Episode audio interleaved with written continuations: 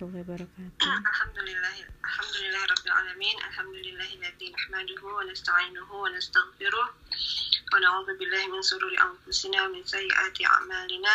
May yahdihillahu fala mudilla lahu wa may yudlil fala hadiya lahu. Asyhadu an la ilaha illallah wa asyhadu anna Muhammadan abduhu wa rasuluh.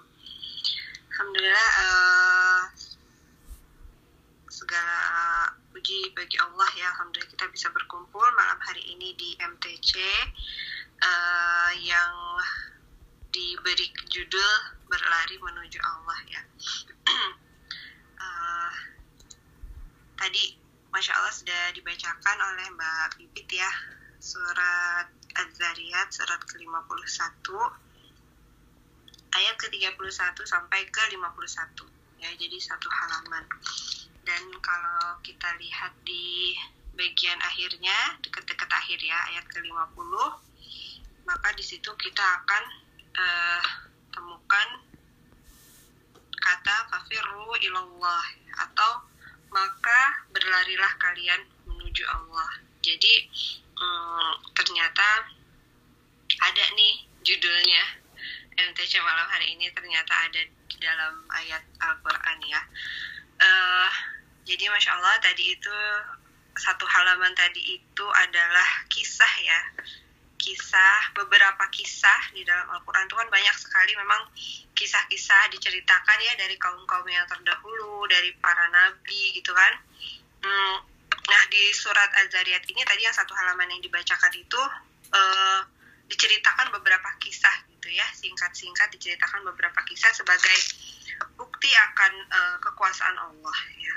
Eh, sebenarnya eh, apa ya kita sendiri mungkin sering terekspos ya dengan banyak kisah dari kaum-kaum terdahulu kita tahu kaum Ad, kaum Samud, kaumnya Nabi Lut, Nabi Nuh ya.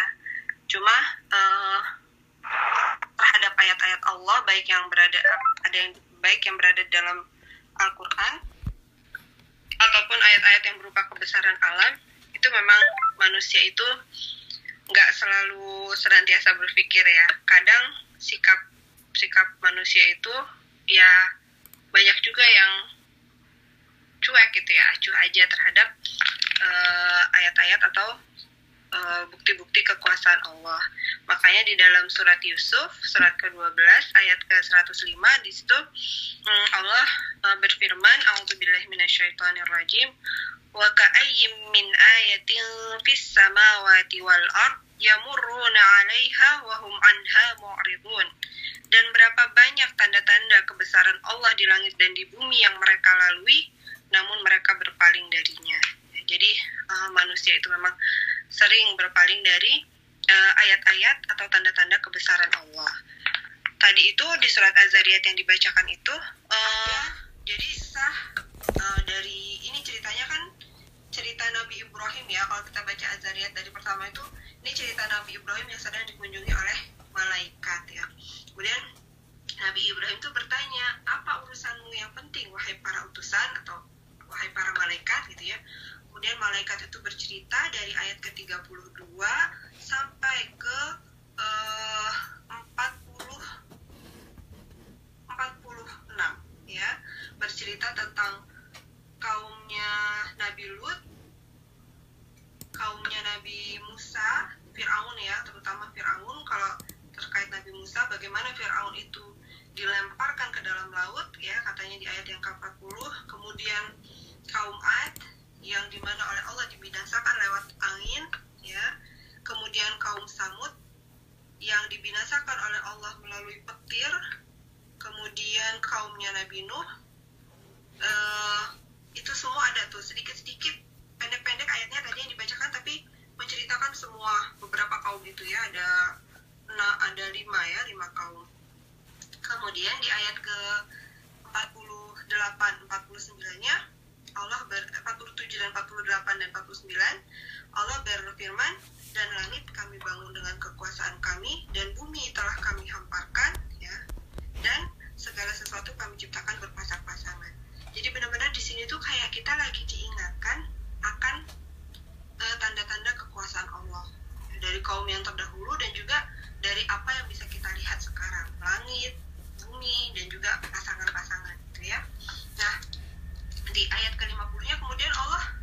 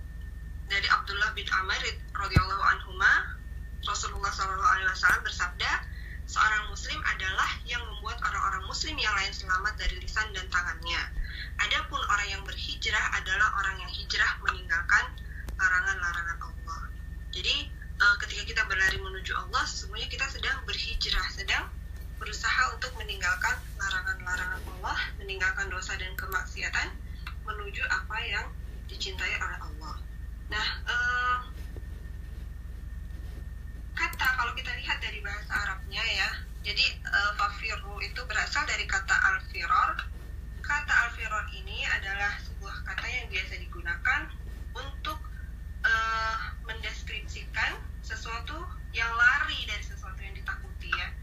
Jadi misalnya di Uber no, ada yang di Uber singa atau di Uber nggak usah singa saya kalau di Uber anjingnya juga udah takut jadi pokoknya lari dari sesuatu yang ditakuti itu digunakan kata al-firar ya kata yang tadi fakiru ilallah firar um, berbeda dengan lari untuk mengejar sesuatu karena ketika lari untuk mengejar sesuatu itu biasanya digunakan kata uh, jarok atau yajri atau jiraya jiraya jadi di sini sesungguhnya kita itu sedang berlari menuju Allah ilallah menuju Allah dari sesuatu yang kita takuti gitu ya nah uh, jadi seperti kita berusaha menyelamatkan diri kita dari sesuatu yang kita takuti bisa dibayangkan ya biasanya seseorang yang lari dari sesuatu yang ditakuti, ditakuti itu dia nggak akan nggak akan peduli gitu pada apa pun yang di tengah jalan dia lagi lari ada yang nawarin apa ya nggak akan peduli ya karena dia lagi berusaha uh, berusaha menjauh menjauh dari apa yang dia takuti tadi begitu juga ketika kita uh, sesungguhnya dengan kata alfir itu alfirar itu uh, kita semestinya apa ya bersikap betul-betul fokus kepada penyelamatan diri kita gitu ya kalau misalnya di tengah jalan uh, mungkin orang yang lagi lari lagi takutan ya mungkin dia ngerasa capek tapi dia nggak akan mikirin capeknya itu ya. Mungkin dia misalnya pun orang yang lagi lari ini keinjek apa sesuatu kakinya sakit dia nggak akan terlalu mempedulikan karena dia harus fokus pada penyelamatan dirinya. Begitu juga misalnya di tengah jalan ada yang nawarin apa sesuatu yang indah atau sesuatu yang enak gitu ya. Tetapi melalaikan dia dari tujuannya ini untuk menyelamatkan diri itu juga dia nggak akan tergoda gitu ya jadi e, kalau dari segi bahasa hmm, bisa diambil hikmah seperti itu ya nah di dalam e, kitab Madarijus Salik Madarijus Salikin kitab karangannya Ibnu Qayyim uh, Ibnu Qayyim ini berkata bahwa ada uh, langkah awal dari berlari menuju Allah ini ada tiga, meliputi tiga hal. Uh, yang pertama adalah dari kejahilan menuju ilmu. Jadi kita berlari dari kejahilan menuju ilmu. Uh, ilmu itu kalau di dalam Islam bukan hanya sekedar tahu.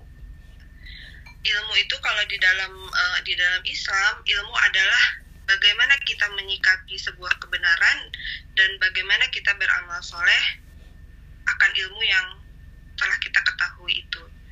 Makanya kalau misalnya kita lihat di dalam surat Yusuf, surat ke-12 ya, ayat 33, hmm, saya bacakan artinya ya, di situ itu Nabi Yusuf mengadu, Wahai Robku, penjara lebih aku sukai daripada memenuhi ajakan mereka kepadaku. Jika engkau tidak menghindarkan aku dari tipu daya mereka, tentu aku akan cenderung untuk memenuhi keinginan mereka. Dan tentulah aku termasuk orang-orang yang jahil ya, atau orang-orang yang tidak berilmu. Jadi kalau di situ kan tentang itu ya ajakan Nabi Yusuf diajak untuk berbuat zina ya. Nabi dia bahwa perbuatan zina itu adalah perbuatan yang buruk ya. Tetapi tahu saja tidak cukup gitu. Kalau seseorang kalau sampai uh, seseorang itu melakukannya maka walaupun dia udah tahu itu buruk dia jadi termasuk golongan orang-orang yang jahil ya. Begitulah uh, apa kondisi ilmu gitu di dalam Islam. Jadi uh, berlari tadi yang pertama adalah berlari dari kejahilan menuju ilmu. Begitu juga misalnya kita uh, baca sirah Rasulullah ya kita tahu ada Abu Jahal ada seseorang yang diberi gelar Abu Jahal ya. Jadi dia jahil gitu kan bukan karena dia bodoh. Bahkan sebelum masa Islam itu gelarnya beliau adalah Abul Hakam ya karena beliau e, cerdas dan punya ilmu yang tinggi. Tetapi karena dia tidak mengikuti kebenaran dia tidak mau apa oh, ya ilmunya pengetahuannya itu cuma di di otaknya saja gitu nggak ada hasil apa-apa tidak menghasilkan apa-apa dalam keislamannya ya maka dia dikatakan sebagai orang yang jahil. Jadi itu yang pertama dari kejahilan menuju ilmu. Kemudian yang kedua adalah dari malas dari kemalasan menuju semangat ya. Semangat atau kalau dalam konteks berislam keteguhan dalam memegang Islam. Ya Ibnu Qayyim itu menyatakan bahwa hmm, sifat malas, menunda-nunda amal, berandai-andai dan lain-lain itu sangat berbahaya. Ibaratnya seperti pohon yang uh, pohon kerugian dan pohon penyesalan. Jadi nanti apa buahnya itu hanya akan berupa kerugian dan penyesalan. Jadi uh, sebaliknya di dalam Al-Quran kita lihat bahwa di dalam Al-Quran kita lihat bahwa uh, banyak sekali perintah Allah untuk bersemangat betul-betul memegang teguh, nggak bermalas-malasan terhadap nikmat Islam yang telah kita terima ya. Misalnya di dalam surat Al-Baqarah uh, ayat ke-63 Allah berfirman, A'udzubillahi minasyaitonirrajim. Khudzu ma atainakum biquwwati wadhkuru ma fihi la'allakum tattaqun. Uh, jadi di situ peganglah khudzu ma atainakum biquwah ya.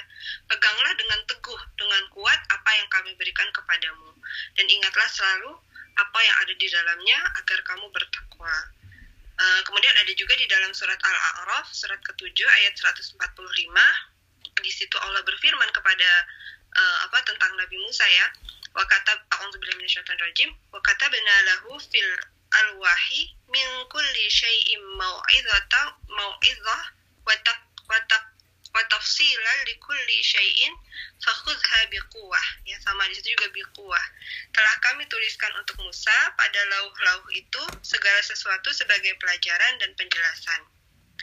Maka kami berfirman berpeganglah kepadanya dengan teguh dan suruhlah kaummu berpegang pada perintah-perintahnya dengan sebaik-baiknya. Jadi kita sebagai muslim uh, harus berlari meninggalkan rasa malas menuju keteguhan. Sebagaimana di apa Allah telah memerintahkan ya. Jadi dengan semangat uh, senantiasa apa ya berapi-api gitu ya. Pokoknya senantiasa semangat untuk menjalankan kebaikan gitu. Atau berusaha melawan rasa-rasa malas yang mungkin sering juga datang gitu ya.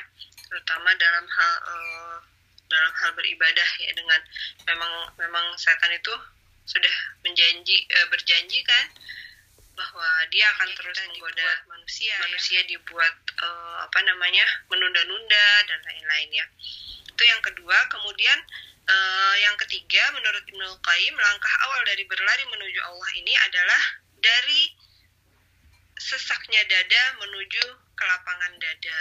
Ya nah ini maksudnya apa itu sesak dada?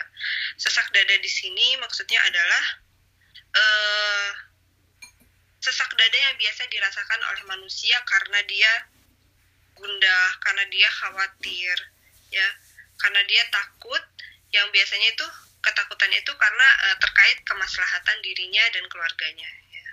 Jadi aduh khawatir ini khawatir itu padahal uh, satu-satunya yang patut dikhawatiri adalah apabila uh, apa kita melanggar aturan-aturan dari Allah ya. Selainnya itu hanyalah ancaman yang nggak seberapa gitu ya, yang nggak terlalu ya nggak terlalu apa namanya ya bukan apa-apa gitu ya dan uh, insya Allah ketika seseorang itu sikoh atau percaya kepada Allah, uh, maka insya Allah dia akan bisa dengan mudah untuk uh, bertawakal, bisa berbaik sangka kepada Allah gitu ya, dan uh, dia akan berusaha untuk benar-benar bertakwa kepada Allah ya. Dan ketika itu telah ia lakukan, maka dia akan akan lapang gitu dadanya. Ini sudah dalam pakai janji dari ayat kedua dan tiga Allah berfirman, "Wa may yattaqillaha yaj'al lahu makhraja wa yarzuqhu min haitsu la yahtasib." Barang siapa yang bertakwa kepada Allah, niscaya dia akan mengadakan jalan keluar dari semua persoalan baginya dan memberinya rizki dari arah yang tiada disangka-sangka. Uh, kemudian di dalam hadis kudsi yang lain ya, itu yang tadi sempat disinggung kayaknya ya sama Mbak Asma di awal bahwa uh, dari di dalam ini ya hadisnya diriwayatkan oleh uh, Bukhari dan Imam Muslim. Dari Abu Hurairah radhiyallahu anhu dia berkata Nabi Shallallahu alaihi wasallam bersabda Allah taala berfirman. Jadi hadis kutsi ya aku tergantung persangkaan dia mengingatku kalau dia mengingatku pada dirinya, maka aku mengingatnya pada diriku. Kalau dia mengingatku di keramaian, maka aku akan mengingatnya di keramaian yang lebih baik dari mereka. Kalau dia mendekat sejengkal, maka aku akan mendekat kepadanya sehasta. Kalau dia mendekat kepada diriku sehasta, maka aku akan mendekatinya sedepa. Kalau dia mendatangiku dengan berjalan, maka aku akan mendatanginya dengan berlari. Ya, masya Allah. Jadi uh, Masya Allah ya, eh, Allah itu menyambut sekali taubat-taubat kita dan menyambut apa ya, menyambut keinginan kita untuk uh, mendekatkan diri kepada Allah ya, Insya Allah.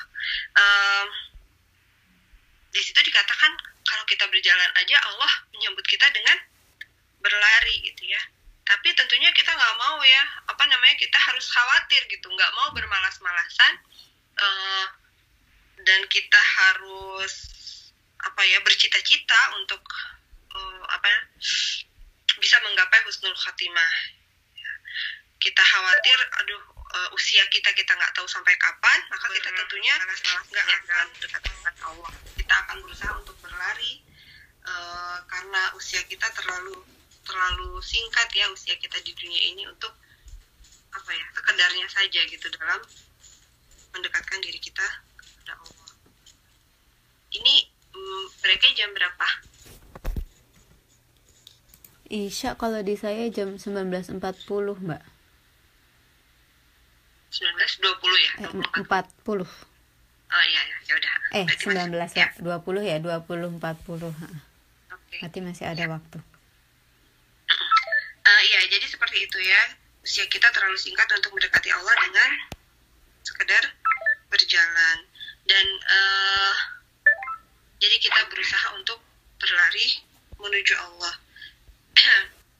Kalau misalnya uh, kita ya tidak kita mungkin sering sering atau pernah lihat ya orang-orang yang hmm, apa ya yang dia senantiasa berbuat dosa sampai-sampai seolah-olah uh, dia itu kayak nggak sadar gitu ya dan nggak bisa berhenti dari dosanya.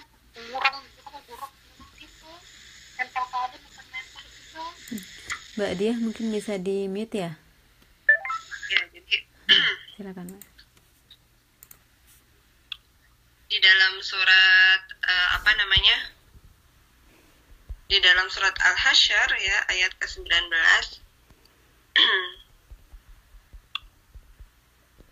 Coba kita ya, saya buka dulu. Uh, Bismillahirrahmanirrahim ini artinya aja ya dan janganlah kamu seperti orang-orang yang lupa kepada Allah lalu Allah menjadikan mereka lupa kepada mereka sendiri mereka itulah orang-orang yang fasik ya.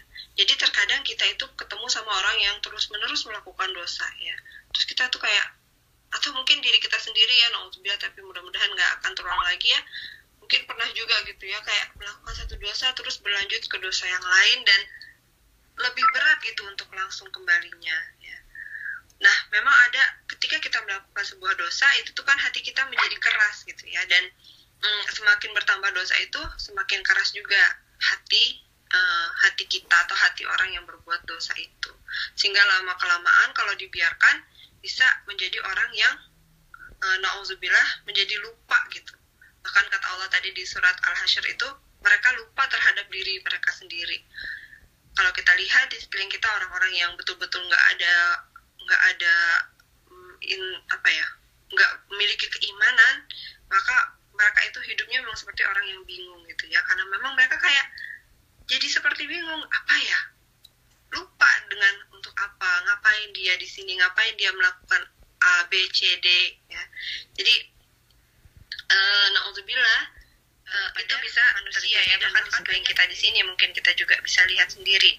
Nah solusinya juga sebetulnya pada bagi mereka itu adalah kembali kepada Allah ya. Sama. Jadi uh, walaupun tadi dikatakan bahwa hati itu bisa menjadi keras gitu ya uh, tetapi ketika kita punya niat untuk bertaubat Allah itu insya Allah akan mengampuni ya. Jadi jangan sampai juga seseorang itu berpikir aduh dosa saya udah terlalu banyak deh. Uh, kayaknya Allah ah kayaknya mau kembali ke Allah mau mau mendekat kepada Allah itu kayaknya masa iya sih? Gitu ya misalnya. Mungkin ada yang dosa apa ada yang melakukan sebuah perbuatan dosa yang sangat besar mungkin ya. Tetapi dia uh, selalu ada harapan gitu ya. Pintu taubat itu senantiasa terbuka selama selama masih kita masih punya nyawa ya. Dan uh, Allah di surat Ali Imran ayat ke-31 uh, berkata niscaya Allah mencintai kamu dan mengampuni dosa-dosa kamu gitu ya. Jadi uh, Allah itu senantiasa insya Allah senantiasa membukakan pintu ampunannya bagi kita ya. Uh, sehingga kita tidak janganlah kita ragu untuk mendekatkan diri untuk uh, berlari kembali menuju Allah ya mungkin itu yang terkait uh, apa namanya beberapa tadi ya beberapa langkah-langkah uh, dari berlari menuju Allah ya tiga langkah itu yang di dijabarkan oleh Imam Ibnu Qayyim di dalam bukunya Madarijus Salikin. Nah, uh, ini masih ada dua menit lagi ya. Jadi kalau di dalam Al-Quran sendiri itu sebetulnya ada beberapa uh, gerakan gitu ya, ada beberapa gerakan. Ada ada berlari, ada berjalan, ya, ada berlomba, ada bersegera, ya. Jadi ada beberapa. Nah, uh, kalau kita lihat semuanya itu ditujukan untuk hal yang berbeda-beda ya. Misalnya berlomba di dalam surat Al-Baqarah ayat ke-148 ya, yang paling mungkin salah satu penggalan ayat yang paling terkenal ya, fastabiqul khairat ya, berlomba-lomba di dalam kebaikan. Jadi kita berlomba itu di dalam kebaikan. Nah, ada juga di dalam surat Ali Imran ayat ke-133 tentang bersegera. Wasari'u ila maghfiratin min rabbikum wa jannatin arduhas samawati wal ard uiddat lil muttaqin. Dan bersegeralah kamu mencari ampunan dari Tuhanmu dan mendapatkan surga yang luasnya seluas langit dan bumi yang disediakan bagi orang-orang yang bertakwa. Jadi hmm, kalau untuk bersegera bersegera di dalam Al-Quran adalah untuk ampunan ya. Jadi kita disuruh untuk bersegera dalam mencari ampunan uh, untuk mendapatkan surga yang luasnya seluas langit dan bumi. Uh, kemudian ada juga uh, berlari tadi ya, fafiru ilallah berlari. Berlari menuju Allah untuk ketaatan ya tadi yang udah kita baca di ayat di Az-Zariyat ayat ke 50 ada juga berlari uh, di dalam ayat yang lain di dalam surat Jum, uh, Jumu'ah ayat 9 di situ tentang sholat ya, di mana Allah berfirman wahai orang-orang yang beriman apabila telah disuruh untuk melaksanakan sholat pada hari Jumat maka berlarilah kamu mengingat Allah dan tinggalkanlah jual beli jadi untuk sholat kita harus buru-buru juga berlari ya sebagaimana tadi di dalam mm, surat Az-Zariyat ayat 50 Nah, ada satu lagi yaitu berjalan. Ya. Berjalan ini ada di surat Al-Mulk ayat ke-15. Hmm, apa kata Allah? A'udzubillahi minasyaitonirrajim. Bismillahirrahmanirrahim. Huwallazi ja'ala lakumul arda dhalulan famshu fi manakibiha wa kulu mir rizqih wa ilaihin nusyur. Dialah yang menjadikan bumi untuk kamu yang mudah dijelajahi. Maka berjalanlah di segala penjurunya dan makanlah sebagian dari rizkinya dan hanya kepadanya lah kamu kembali setelah dibangkitkan. Jadi di sini untuk menjemput rizki kata Allah berjalanlah di seluruh penjurunya. Jadi uh, memang beda-beda penggunaannya ya dan kita harus pahami kapan kita berlari, kapan kita berlomba, kapan kita berjalan, kapan bersegera ya. Ternyata mungkin bisa jadi selama ini kebalik ya uh, berlomba-lomba dalam menjemput rizki misalnya. Padahal harusnya berlomba-lomba dalam melakukan kebaikan gitu ya. Atau berlari dalam berlari-lari menjemput rizki gitu ya. Padahal harusnya tadi berlari itu menuju ketaatan atau berlari untuk bersegera untuk sholat gitu ya. Itu juga bersegera itu adalah untuk uh, wasari ila maghfirati ila maghfirah bersegera untuk menuju ampunan dari Allah gitu. Uh, dan ternyata ya kalau untuk menjemput rizki sama Allah uh, yang digunakan adalah berjalannya. Jadi ya mudah-mudahan kita bisa memahami kapan kita harus berlari, kapan kita harus berjalan. Ya, dan jangan-jangan selama ini kalau kita merasa capek, uh, lelah gitu ya dalam hidup ini bisa jadi karena salah tadi ya. Uh, yang harusnya kita lari, di situ kita jalan. Yang harusnya kita jalan, situ kita lari gitu ya. Uh, insya Allah kalau kita berusaha untuk uh, hidup sesuai tuntunan Al-Quran, insya Allah kita uh, hidup kita akan selamat dan juga akan bahagia gitu ya orang yang beriman itu. Uh, walaupun ada ujian-ujian dari Allah tetapi di, di di dunia pun mereka akan merasakan kebahagiaannya karena ketenangan hati kelapangan dada tadi itu juga. Ya Allah alam uh, mungkin sekalian break ya tapi insya Allah uh, demikian uh, materi malam hari ini Mudah-mudahan ada manfaatnya. Saya kembalikan dulu ke Mbak Asma ya.